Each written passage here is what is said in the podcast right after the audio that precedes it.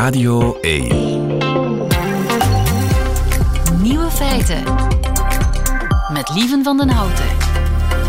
Dag en welkom bij de podcast van Nieuwe Feiten van 10 mei 2022. In het nieuws vandaag dat op een cruiseschip wonen tegenwoordig voordeliger is dan een huis afbetalen. De Amerikaanse Angeline Burke woont net als haar nieuwe partner in Seattle. De twee vijftigers waren op zoek naar een klein huis om te gaan samenwonen, maar een huis kopen is in Seattle ongelooflijk duur. En dus ging Angeline aan het rekenen. Door op zoek te gaan naar promoties en door slim allerlei getrouwheidsprogramma's te combineren, zou je permanent op cruise kunnen voor 62 dollar per dag. Dat is volgens Angeline niet zo gek veel meer dan mocht je lenen voor een huis. En op zo'n schip maak je tenminste nog eens iets mee. En dus wonen Angeline en haar partner sinds mei vorig jaar permanent op cruiseschepen. Ze nam ontslag als boekhouder en ze heeft nu een reisblog waarop ze tips deelt om permanent op zee te wonen. Ik verwacht de komende tijd veel jonge Gentenaars en Leuvenaars op cruiseschepen. De andere nieuwe feiten vandaag. Zien geeuwen doet geeuwen, maar dat geldt niet voor psychopaten. Een kwart van de Nederlanders wast hun kip voor ze de pan ingaat. Er zijn nog ongeveer zeven vaquitas in leven. De panda's van de zee. En de helft van de Vlamingen denkt dat ook bij ons verkiezingen niet eerlijk verlopen. De nieuwe feiten van Nico Dijkshoorn die hoort u in zijn middagjournaal. Veel plezier. Een kwart van de Nederlanders was dus zijn kip. Goedemiddag, Wieke van der Vossen. Ja, een hele goede middag. Wieke van der Vossen, expert voedselveiligheid van het Voedingscentrum in uh, Nederland. Jullie hebben onderzocht of de Nederlanders een kip wast. En daarmee bedoel ik natuurlijk zijn rauwe kip voor die kip de pan ingaat. Ja, dat klopt. Dat hebben wij inderdaad uh, onderzocht onder de Nederlanders. En uh, blijkt dat ruim een kwart van de Nederlanders uh, dat doet. Dat is verbijsterend, want dat zou ik nooit doen. Hoe komen jullie erbij om dat precies te gaan onderzoeken? Ja, nou, wij waren ook verbaasd dat het aandeel uh, zo groot was. En uh, de aanleiding was, wij wisten wel vanuit het buitenland dat er onderzoeken gedaan worden, waren. In Engeland bijvoorbeeld en in Amerika, dat mensen de rauwe kip wassen voordat ze het bereiden. En daar zijn ook wel uh, adviezen over, van, ja, dat je dat eigenlijk beter niet kunt doen, omdat je dan bacteriën kunt verspreiden. Maar we waren toch wel heel benieuwd van, goh, hoe zit dat eigenlijk in Nederland? Want daar hadden wij geen cijfers over. Vandaar dat we dit onderzocht hebben. En ook wij waren best wel verbaasd dat uh, ja, een kwart van de mensen zegt dat ze dit uh, meestal tot bijna altijd uh, doen. Dat is gek. We hebben het gecheckt en ook in België zijn daar geen cijfers over. Dus misschien moeten we dat dringend eens gaan onderzoeken. Ja. En weten jullie ook welke mensen hun kip wassen? Ja, hebben wij ook uh, nagekeken. Wij, het uh, waren over het algemeen wat, uh, wat oudere mensen, vaker man dan vrouw. En iets lager opgeleide. En wat je ook wel ziet, is, is dat het met een bepaalde cultuur ook wel te maken kan hebben. En bijvoorbeeld bij de Surinamers is het best gebruikelijk om, om de kip te wassen. En ook wel andere culturen. Dus dat, dat kwam ook wel naar voren. Oké, dus oudere mannen voornamelijk. En ja. uh, oudere mannen met een, een, migratieachtergrond, dat zou ook kunnen. Nou, dat, dat zou kunnen. Het waren ouderen en vaker wat man dan vrouw. Dus of het nou specifiek oudere mannen waren, dat durf ik niet, uh, ja, niet te zeggen. Dat, maar uh, dat, kwam, dat kwam wel uit het, uit het onderzoek, inderdaad. Maar waarom? Ja, dat hebben we ook gevraagd. En uh, de meeste mensen geven aan omdat ze het hygiënischer vinden. Dus uh, daarom uh, wassen ze de kip. Maar ook best een heel groot aandeel van de mensen geeft aan van ja, dat ben ik zo gewend. Dat heb ik zo geleerd vanuit huis uit. En daarom doe ik het nog steeds. En drogen ze de kip ook af? Ja, dat doen ze meestal ook wel. En uh, ja, dat kan op heel veel verschillende manieren met een, met een doek of met keukenpapier. Uh, maar meestal uh, doen ze dat wel voordat het in de pan gaat of voordat ze het marineren bijvoorbeeld. Heeft het überhaupt zin om dat te doen? Nou, vanuit hygiëne zeggen we, doe het liever niet eigenlijk. Want, Maak je de kip dan vuiler? Nee, je maakt de kip niet vuiler. Dus op zich uh, was je inderdaad ook wel uh, bacteriën en vuil uh, eraf. Alleen het verspreidt zich heel erg ook in de keuken. En zeker als je het doet onder een stromende kraan, dan, ja, dan vind je dat, toch die bacteriën, zoals bijvoorbeeld de salmonella of campylobacter, waar je ziek van kunt worden, op het aanrecht, in de gootsteen of bijvoorbeeld op de snijplank die je naast de gootsteen hebt liggen. Dus het verspreidt zich.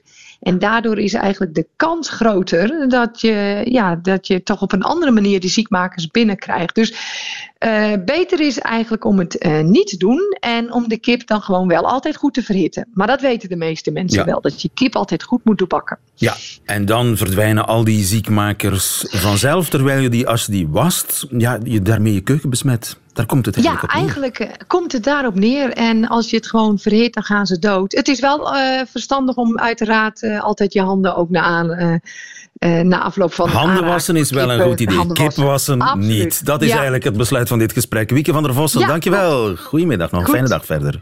Dag hoor. Dag. Rien en Marie, je zit hier met schaamrood op de kaken. Hoe komt het? Schaamrood op de kaken uh, nu. Ik heb, ik heb al eens een kip gewassen. voilà, voilà. Dat wou ik horen. Maar uh, ja, je weet nu dat dat uh, geen goed idee is. Ja, goed. Maar je zit hier als nieuwe feitenchecker en geen dag te vroeg, Rien en Marie, want er valt een en ander te checken deze week.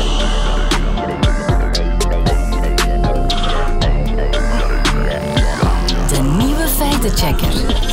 De waarheid en niets dan de waarheid, dat is uh, waar onze nieuwe feitenchecker zich mee bezighoudt. En de feiten van de fabels onderscheiden natuurlijk. Je hebt voor mij drie dingen uitgezocht deze week. Ja. Want uh, er waren drie berichten die mij de wenkbrauwen deden fronsen. Mm -hmm.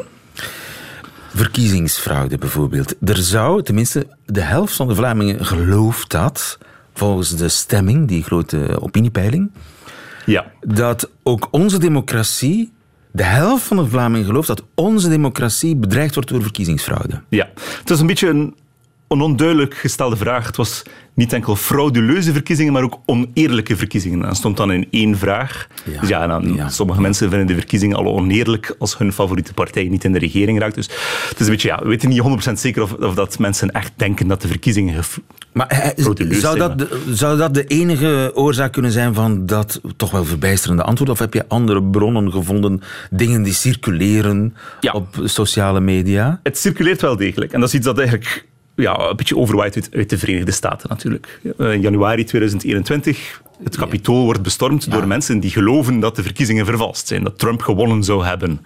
Ook bij ons toen waren er al een aantal politici die daar wel gevoelig voor waren. Die dachten van, dit zou wel eens kunnen dat die verkiezingen vervalst zijn in de, in de Verenigde Staten. Die, die dat geloofden en die dat deelden op sociale media. Maar nu ook bij de verkiezingen in Nederland uh, dit jaar en vorig jaar, en ook recent bij de verkiezingen in Frankrijk met Macron versus Le Pen. Ja, circuleerden er ook in België mensen die denken van ja, die verkiezingen zijn vervalst. Macron is uitgekozen door een schimmige organisatie, door de World Economic Forum. En dat is allemaal beslist dat hij moest winnen. Dus die cijfers zijn vervalst. En dan ja, was er toevallig een televisiezender die per ongeluk een fout gemaakt had, een bug in het systeem bij de live-telling van de stemmen die binnenliepen tussen Le Pen en Macron. En dan leek Macron, Macron ver achter te staan en Le Pen had meer dan 14 miljoen stemmen gekregen. Uiteindelijk had ze er minder dan, uh, minder dan 14 miljoen. Maar dat was door een bug in het systeem van de tv-zender, één tv-zender, France 1. Of France 2, sorry. Um, dat, dat, dat, onder, dat, dat geeft dan meer nog dat discours. Zie je soort, wel, zie je wel. Ja, daar is wel, het bewijs. Voilà. Maar dus het, het gebeurt wel ook bij ons dat mensen vermoeden dat de verkiezingen kunnen gemanipuleerd worden. Er is ook nog een nieuwe documentaire net uitgekomen in de Verenigde Staten, 2000 Mules, 2000 muilezels, waarbij zogezegd um, op basis van telefoongegevens en ook geheime camera's of uh, camerabeelden mensen zouden, stemmenronselaars zouden betrapt zijn terwijl ze dingen in brievenbus steken. Dat is ook helemaal geen bewijs. En zelfs Fox News waagt er zich niet aan, aan, aan die film.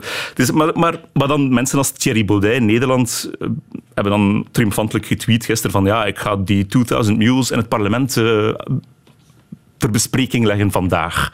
Dus in bepaalde kringen is er, is er wel een vatbaarheid daarvoor. Het is ook gewoon tof voor hen om het regime of alle instituten in twijfel te trekken. En dat, dat, is, dat is de manier om, om ook gewoon stemmen te winnen. En het is natuurlijk handig, want als je de verkiezingen verliest, kan je gewoon zeggen van, ah ja, er is gefraudeerd.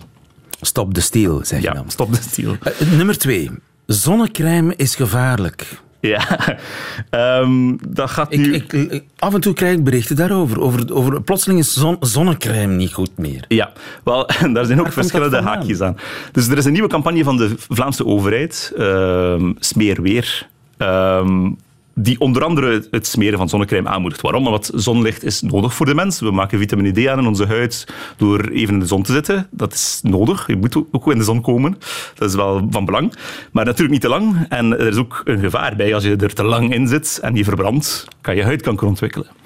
Eh, dus die campagne van de overheid zegt... eh, smeer je in met zonnecrème als je echt eh, blote onderdelen in de zon zit. Maar die zegt ook van, ja, bescherm je ook wel tegen het zonlicht door eh, het zonlicht te weren, door in de schaduw te zitten en door kleren aan te doen en niet eh, de hele tijd eh, in Ja, ja. bovenlijf rond te lopen, want dan vergroot je de kans op huidkanker. Ja. Maar er is een kleine beweging die zegt van nee, zonnecrème bevat alleen maar schadelijke stoffen en dat houdt je vitamine D-productie tegen. Doe het niet. Ehm. en het is wel zo dat zonnecrème aan zich of zonnecrème alleen niet je 100% zal beschermen tegen huidkanker. Er is daar wel controverse over. Men heeft een cijfer van 15 à 20% dat het zou beschermen niet zo hoog, maar nog altijd beter dan niks. En zeker niet een soort eh, manier om ja, de hele dag in de zon te zitten en je niet te beschermen tegen die zonnestralen op een andere manier. Bijvoorbeeld even in de schaduw gaan zitten Ja, of het kleren is te dragen. geen 100% verzekeringspolis tegen huidkanker, verre van. Nee. Maar is het schadelijk? Er, zit, er is controverse over een aantal stoffen die erin zitten. eh, titaniumoxide onder andere. Er zijn ook al zonnecrèmes wel van de markt gehaald, omdat er toevallig benzine in, verze- in verzeild was. Maar eh, algemeen gezondheidsautoriteiten raden u aan van laat u niet afschrikken. Het is nog altijd beter om u in te smeren als je in de zon hoeft, moet zijn. Ehm, en ja, want UV-stralen zijn nu eenmaal schadelijk. En er is ook al een nieuwtje gisteren van eh testaankoop die zegt van ja, er zijn bepaalde claims van zonnecrèmefabrikanten die zeggen van ja, eh, wij beschermen tegen UV-stralen A of B. eh, er zijn twee types. Die dan helemaal niet 100% blijken te kloppen. Dus het is wel, je moet wel kiezen welke zonnecrème je neemt. En eh, dat is wel Niet ja, alle, dat is een, alle dat is zonnecrèmes een consumentenzaak. goed. Ja. Maar je zei er, ze houden de vitamine D tegen. Nee, dat is, dat is wel onzin. Eh, dat is niet zo. Bovendien, ehm, een half uurtje in de zon met je handen en je gezicht is voldoende voor je vitamine D-productie als mens. Dus het, het is niet zo dat je echt zo hard moet in de zon zitten Ja. of de hele dag bakken op het strand. Ik las ook iets over het Pfizer-vaccin, dat maar voor 12% zou werken. Ook dat is een bericht dat hardnekkig rond, rond Ja. circuleert. Dat is, dat is gebaseerd op eh, i- iets dat de Pfizer Docs of de Pfizer Documents wordt genoemd. En daar waren, geloof ik, vrijdag 100.000 tweets al over verstuurd met die hashtag. Wat is daar aan de hand? Ehm, dat is ook een redelijk lang verhaal. We weten dat misschien niet hier, maar in de Verenigde Staten is het Pfizer-vaccin al definitief goedgekeurd. Ja, is volledig goedgekeurd, 100% Officieel. officieel, niet voorwaardelijk of zo. Eh, Bij ons is dat nog altijd niet zo. bij ons is het nog niet definitief, is het nog altijd on- onder de voorwaardelijke ja. kwestie. Maar daar is het al sinds augustus 2021 definitief goedgekeurd. En toen hebben er een aantal groeperingen artsen die een beetje sceptisch waren, eh, gevraagd van ge- geef ons eens gewoon alle documenten die jullie, de Food and Drug Administration, de FDA, gebruikt hebben om het vaccin goed te keuren die jullie gekregen hebben van Pfizer, de resultaten van de, van de trials die georganiseerd zijn en zo, met proefpersonen. Ehm, en dat zijn dus die documenten. Die worden momenteel vrijgegeven in grote tranches van tienduizenden per maand. Er was daar een discussie over van en hoe rap die moesten vrijgegeven worden, maar er wordt dan verkocht als van ja, Pfizer wou het allemaal geheim houden. Enfin, dat, is, dat is de manier waarop dat desinformatie zich verspreidt. Als je erbij iets aan kan koppelen dat het zogezegd geheime informatie is, dan is het, willen mensen het zeker zien. Hè. Maar dus ehm, een aantal Pfizer claims... brengt die zelf uit. Ze moeten die uitbrengen. Ze moeten die, dat is een, ja, zo'n eh, openbaarheid van bestuur, eh, Freedom of Information Request heet dat daar. Ze moeten zijn verplicht om die uit te brengen op, op, op- zodra iemand daarom vraagt. Het is niet Pfizer zelf, het is de Food and Drug Administration, dus de overheidsinstantie die ze gekregen heeft van Pfizer. Oké. Ehm, Het probleem is dat natuurlijk, dat zijn dumps van tienduizenden documenten. Mensen die niet zo noodzakelijk het verstand hebben om die allemaal in de letter te begrijpen, gaan die lezen en zien daar scary, eh, gevaarlijke dingen in staan die ze dan eh, Als je die uit de context drukt. die ze dan fluo eh, een klein screenshot op, eh, op het internet gooien. En dat is de basis van verschillende claims geweest. Onder andere dus die claim dat zogezegd het vaccin geen 95% effectief zou zijn, zoals oorspronkelijk gezegd werd, maar dat er uit die documenten van Pfizer zelf zou blijken dat het maar 12 of 13% is. Volledig uh, onzin. Het is gebaseerd op het feit dat... Hoe kom je aan die 95%? Om te beginnen, in de placebo-groep, de groep die geen vaccin kreeg, bij de proeven, bij de proeven hebben ongeveer 164 mensen COVID opgelopen. De groep die het vaccin kreeg, maar 8. Dat, was, dat is de 95% tussen de twee. Het probleem is dat elk mini-klein symptoom die men kreeg dat zou kunnen COVID geweest zijn, moest men laten onderzoeken. Als men nu in de placebo-groep zat of in de vaccingroep. Die werden getest met een PCR-test op COVID. Dus pas 164 en 8 in die twee groepen werden uh, bevestigd als COVID. Alle andere hadden ja, toevallig koorts of um, iets anders.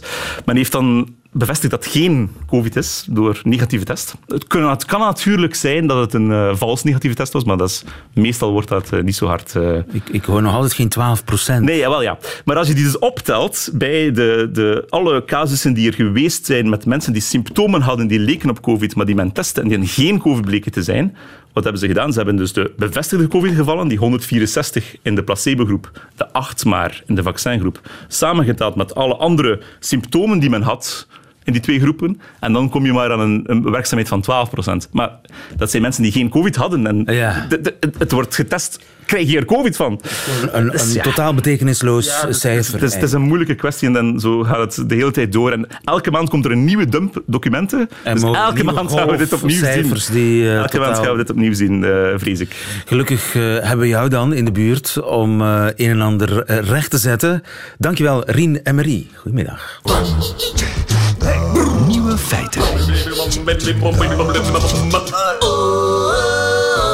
Radio 1. Het is nog niet te laat voor de vakitas, al zijn er nog maar een stuk of zeven. Jan Haalters, goedemiddag. Goedemiddag. Je bent bioloog uh, van het Natuurhistorisch Museum. De vakita, help me even, wat is dat voor een beest? Ja, heel kort beschrijven. Uh, het, is een, het is een soort bruinvis, zoals we ook onze bruinvis hebben. Uh, het lijkt er ook wat op. Het is het kleinste zeezoogdier, de kleinste walvisachtige, moet ik zeggen. Uh, anderhalve meter lang zo. En het dier komt voor, en binnenkort mogen we de verleden tijd gebruiken komt voor in de Golf van California in Mexico. Oké, eh, het ziet er een beetje uit, ik heb hem hier intussen gegoogeld, als een, ja, een, dol, een kleine dolfijn met een stompe snuit en panda-ogen. Ja, die panda-ogen zijn heel typisch. Onze bruinvis heeft die niet. Onze bruinvis is ook een klein beetje groter. Maar je kunt die, je kunt die vergelijken. Hij heeft ook dezelfde wetenschappelijke voornaam, Focoina. Ja, ja. En de baai van Californië, dat is onder Los Angeles, uh, San Diego. En dan naar beneden heb je die, dat, dat hele lange schiereiland. Uh, ja. Langs Mexico, zeg maar. Uh, tussen dat schiereiland en het Mexicaanse vasteland dat is de baai van Californië. En daar leeft hij. Dat is de baai van Californië en dat is volledig Mexico. En dat betekent dat ook Mexicaanse vissers daar actief zijn. En dat de Mexicaanse overheid die vissers moet controleren en maatregelen moet nemen. En daar wringt het schoentje natuurlijk. Want daar wordt op, op gevist, op die laatste vaquitas? Mm, daar wordt absoluut niet opgevist. Maar uh, die vaquita is zeer teer aan bepaalde visnetten. In de Golf van Californië zit een vissoort, de totoaba, een tamelijk grote vis. En de zwemblaas van die vis is duizenden dollars waard in de, Chinese traditionele geneeskunde. Ja, de zwemblaas, dat is dus een, een, een blaas die gevuld is met lucht of olie. En vissen gebruiken die om zich uh, in de waterkolom hoger of lager te plaatsen, dieper te zwemmen of hoger en te zwemmen. En wat geloven de Chinezen dan dat ze met die zwemblaas kunnen doen? Wel ja, de Chinezen uh, dichten geneeskundige eigenschappen toe aan allerlei stukken van dieren. Denken we maar aan tijgerpenissen, denken we maar aan de hoorn van neushoorn Dat eigenlijk gewoon het materiaal is waar onze nagels uit bestaan. Maar ook die zwemblaas, ja, er is geen enkel wetenschappelijk artikel die daar enige geneeskundige eigenschap aan toedicht. Maar toch geloven de Chinezen in dat en ze betalen er helaas grof geld voor. Ja, en het is eigenlijk een soort collateral damage bij de vangst op die, die specifieke vis dat onze Vakita het loodje legt. Dat is juist. En ja, we mogen die arme Mexicaanse vissers dus niet helemaal met de vinger wijzen, want het zijn uiteindelijk... Ja, de vraag in China naar die zwemblaas die ervoor zorgt dat die Chinese, dat, dat die, dat die Mexicaanse vissers daar ja, goud in zien. En ja, zelfs de Mexicaanse drugskartels zijn daarbij betrokken. Ja, ja. Dat zegt genoeg natuurlijk. Hè. Uh, ze zijn bijna uitgestorven. Ze zijn al met een stuk of zeven. Dat is uiteraard een schatting. Het kunnen er ook dertien zijn. Ja, er is inderdaad een, een, in het najaar van vorig jaar nog een laatste serieuze poging gedaan om ze te tellen. Men heeft dan helaas vastgesteld dat het gebied waar ze nog voorkomen, dat dat vol met visnetten ligt. En dat het zelfs moeilijk varen was tussen al die visnetten. Dus dat is al één punt. Men heeft vastgesteld dat er nog minstens zes vakitas in leven zijn. Maar dat het statistisch gezien zeer onwaarschijnlijk is dat er nog meer dan 13 zijn. Dus het is echt niet 5 voor 12, maar enkele seconden enkele voor seconden 12. Voor 12. Nu, is er genoeg genetische variatie tussen die... Stel nu dat we door een of ander mirakel die, die visvangst daar in die baai kunnen lam leggen, zodanig dat ze toch de kans krijgen om zich verder te ontwikkelen en, en voor te planten. Hebben we daar genoeg genetische variatie voor? Dat is natuurlijk een, een, zeer moeilijk punt. Men heeft geen DNA van de resterende dieren. Er zijn ongetwijfeld ook een, een groot aantal dieren met elkaar verwant. Het is ook zeer onduidelijk hoeveel vruchtbare vrouwtjes daar nog zijn. Stel dat er dertien dieren zijn, maar dat er maar enkele vruchtbare vrouwtjes meer zijn. Maar dat neemt niet weg dat de bedreiging niet weg is. Dus er wordt meer dan ooit gevist in die, in, in die gebieden. Uh, het, is, het, is, een tragisch verhaal. Dus 25 jaar geleden heeft men ze voor het eerst serieus geteld. Dan waren er nog 570 of zo. Enkele jaren later waren er plots maar 400 meer. Dat is 20 jaar geleden. Tien jaar geleden waren er nog 100. Men heeft dan pogingen gedaan om zeer verregaande maatregelen te nemen. Maar het lijkt er nu op dat al die maatregelen overboord gegooid werden. En dat de Mexicaanse vissers eigenlijk aan het hopen zijn dat de laatste vaquita gevangen wordt omdat ze ook die aandacht beu zijn. Ze, hebben, ze worden heel regelmatig gecontroleerd. De netten worden weggenomen, want bijvoorbeeld Sea Shepherd is actief in het gebied. Mexicaanse vissers vinden dat heel vervelend, dus ik kan me voorstellen dat veel Mexicaanse vissers aan het wachten zijn op het uitsterven dus van die soort. Dat zijn uh, natuurredders, zeg maar, die proberen te redden wat er te redden valt. Uh, kunnen, kunnen we die vissen daar niet weghalen en naar veiligere ja. orde brengen? Men heeft dat geprobeerd. Vijf jaar geleden heeft men dat geprobeerd. En ik was erbij toen men het verslag van die pogingen voorgesteld heeft op de wereldconferentie over zeezoogdieren. En eh, ja, het was een beetje een tragisch verhaal. En die onderzoekers zaten daar met tranen in de ogen, letterlijk, omdat hun poging mislukt was. Ze hebben enkele miljoenen euro's zelfs eraan gehangen om bassins te bouwen aan land. Men, heeft, uh, men is erin geslaagd om enkele vaquitas te vangen, maar bleek dat die dieren zo stressgevoelig waren dat het onmogelijk was om ze over te brengen naar die bassins. Een van die vaquitas is zelfs gestorven. En men heeft het, het andere dier dat men gevangen heeft uh, gewoon moeten vrijlaten. Dus die onderzoekers waren er het hart van in dat hun poging mislukt was. Dat ze zelfs verantwoordelijk geweest zijn voor de dood van een van de laatste vaquitas. Ja, dus het ziet er bijzonder slecht uit voor de vaquita. Het ziet er heel slecht uit. Het is eigenlijk hopeloos voor de vaquita voor het moment. Maar uh, ook in Papua Nieuw-Guinea speelt zich een gelijkaardig verhaal af. Uh, vissers, lokale vissers, krijgen een maandloon voor één zwemblaas, ook van een andere vissoort. Ook voor de traditionele Chinese geneeskunde. Daar zitten twee dolfijnensoorten, uh, eigenlijk populaties, waarvan er nog enkele honderden dieren zijn. En, en het, hetzelfde lijkt zich daar af te spelen. Ja. Het is niet anders. Toch bedankt voor deze toelichting, Jan Haalters. Goedemiddag. Graag gedaan. Goedemiddag.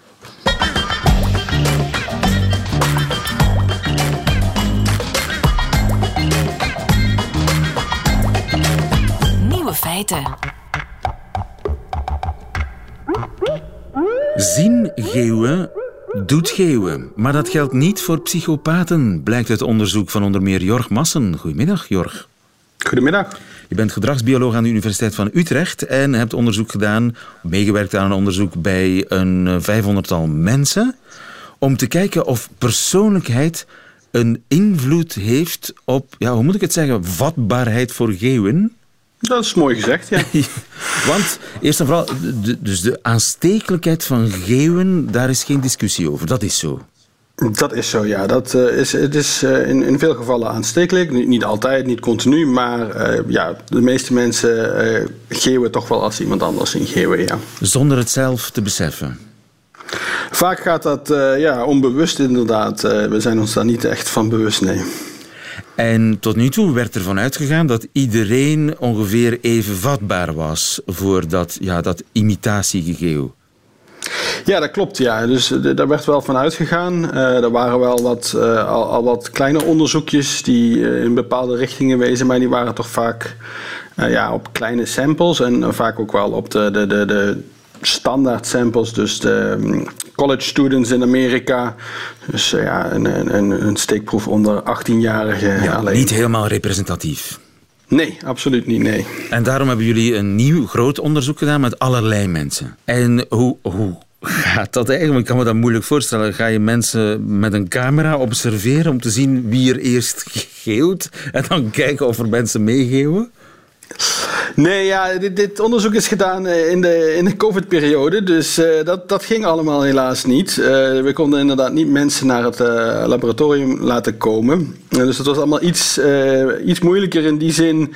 ook wel weer eigenlijk ook wel weer makkelijker omdat we het online gedaan hebben. Dus, um, en de mensen moesten zelf achteraf aangeven of ze gegeeuwd hadden of niet.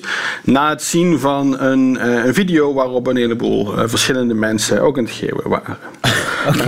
Maar die mensen hebben dat voor alle duidelijkheid niet door dat het een geeuwonderzoek is. Die zijn gewoon naar een natuurfilm aan het kijken of naar, naar een filmpje waar toevallig mensen in geeuwen, maar ze hebben niet door dat dat eigenlijk het onderwerp is.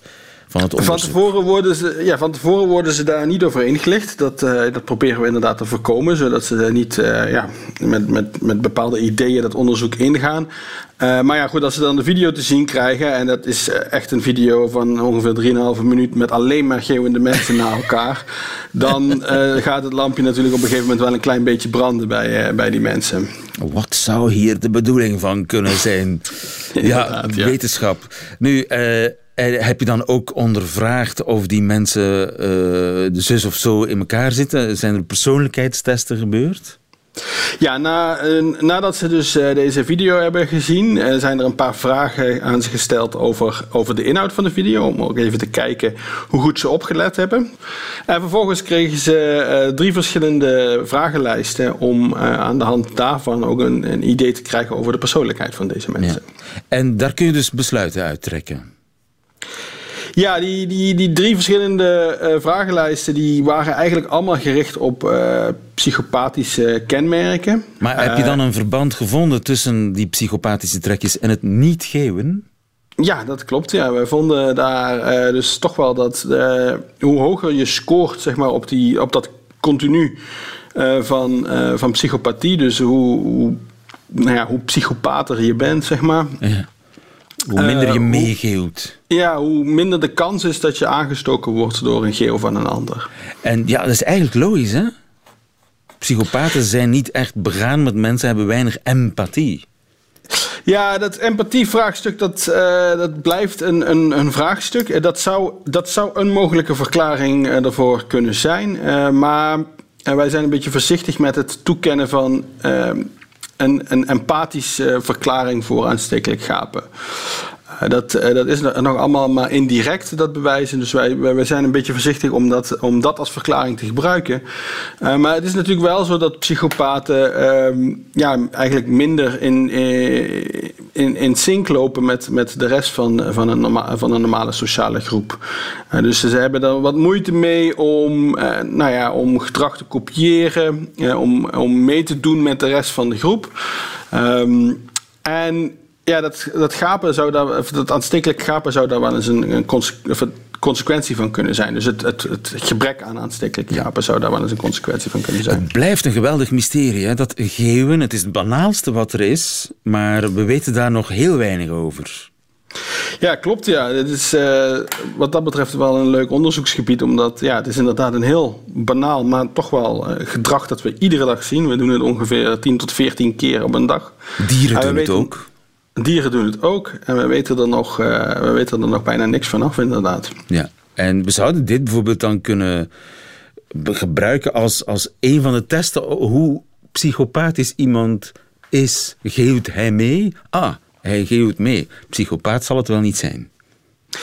Ja, daar moeten we natuurlijk altijd een beetje voorzichtig mee zijn uh, om, uh, om tot dat soort conclusies te komen. Uh, deels omdat bijvoorbeeld de, het, het, effect was niet bijzonder groot. Het was wel een significant effect, maar dat is niet een bijzonder groot effect. Dus het is niet zo dat als iemand een keertje niet meegeeft, dat je dan meteen kunt zeggen van oh, we hebben hier met een psychopaat te maken. En sterker nog, het grootste effect dat wij gevonden hadden is het effect van hoe hoe moe iemand was. Dus als iemand uh, heel moe was, dan was de kans dat hij meegeeuwde een stuk groter dan wanneer hij uh, niet zo moe was. Um, dus als iemand niet meegeeuwt, na, uh, na, na het zien van de, van de gaap van een ander. Uh, ja, dan zou dat kunnen betekenen dat hij. Um, Heel fris en wakker is. Maar misschien een beetje. Ja, het zou kunnen betekenen dat hij misschien wat psychopathische trekjes heeft. Maar het zou net zo goed kunnen zijn dat hij gewoon heel goed geslapen heeft. En lekker fris en wakker is, inderdaad. Ik wens je heel veel uh, succes met uh, verder onderzoek naar het gapen en geven. Jorg Massen, dankjewel. Goedemiddag. Dankjewel, goedemiddag. Nieuwe feiten. Radio 1. En kijk, dat waren ze, de nieuwe feiten van vandaag, 10 mei 2022. Alleen nog die van Nico Dijks horen nu in zijn middagjournaal. Nieuwe feiten. Middagjournaal. Beste luisteraars. Ik keek gisteren naar de militaire parade in Rusland en ik dacht aan China. Ooit heb ik, heel lang geleden, een dag lang geloofd dat alles goed zou komen. Dat het volk er eindelijk genoeg van had. Ik heb werkelijk ooit één dag lang geloofd dat we als individu alles konden veranderen. Als we maar moed toonden en bereid waren een daad te stellen. Tot hier en niet verder. Ik heb het natuurlijk over de Chinees die, zo te zien met een boodschappentas vol Chinees eten, voor een tank ging staan op het plein van de Hemelse Vrede. Een typisch Chinese naam voor een plein.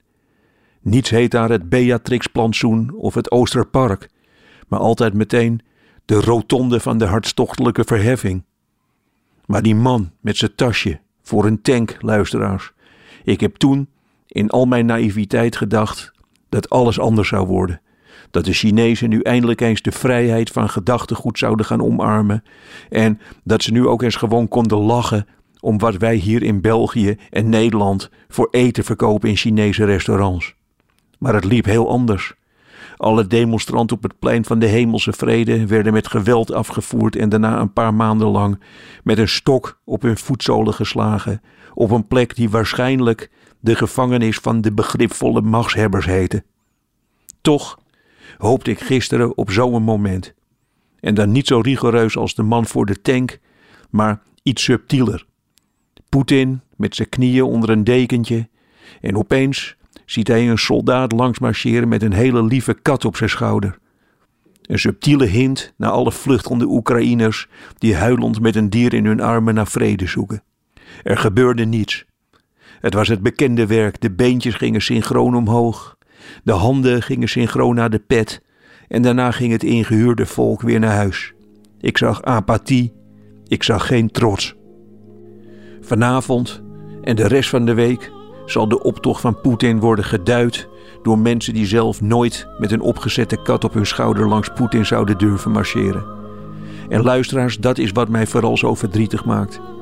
Dat het steeds weer lukt.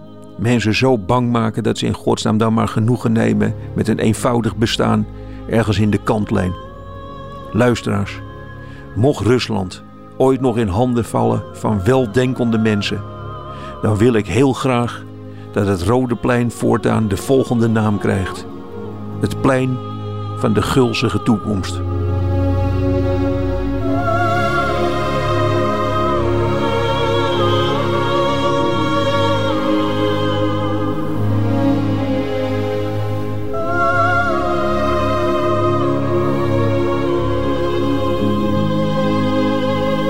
Het Nico Dijkshoorn. Einde van deze podcast. Hoort u liever de volledige nieuwe feiten? Met de muziek erbij. Dat kan natuurlijk via radio1.be on demand of via de Radio 1 app. Tot een volgende keer.